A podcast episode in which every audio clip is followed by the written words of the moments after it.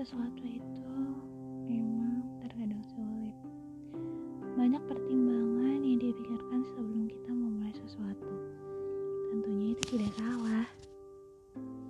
Memang sebelum melakukan sesuatu kita harus memikirkan banyak hal. Apakah baik? Apakah bisa? Apakah nantinya akan bermanfaat? Tapi terkadang terlalu banyak hal yang dipikirkan kita akhirnya berhenti untuk memulai dan melupakannya.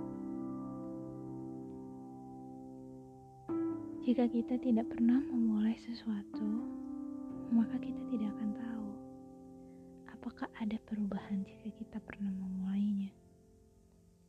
Walaupun mungkin akan gagal, walaupun mungkin tidak akan sesuai ekspektasi,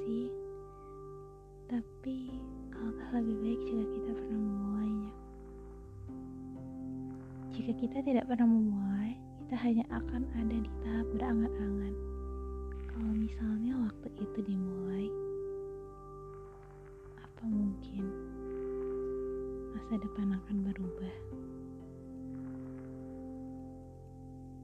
Setidaknya rasa penasaran itu hilang, walaupun mungkin gagal, walaupun harus mencoba di lain kesempatan, tapi setidaknya rasa penasaran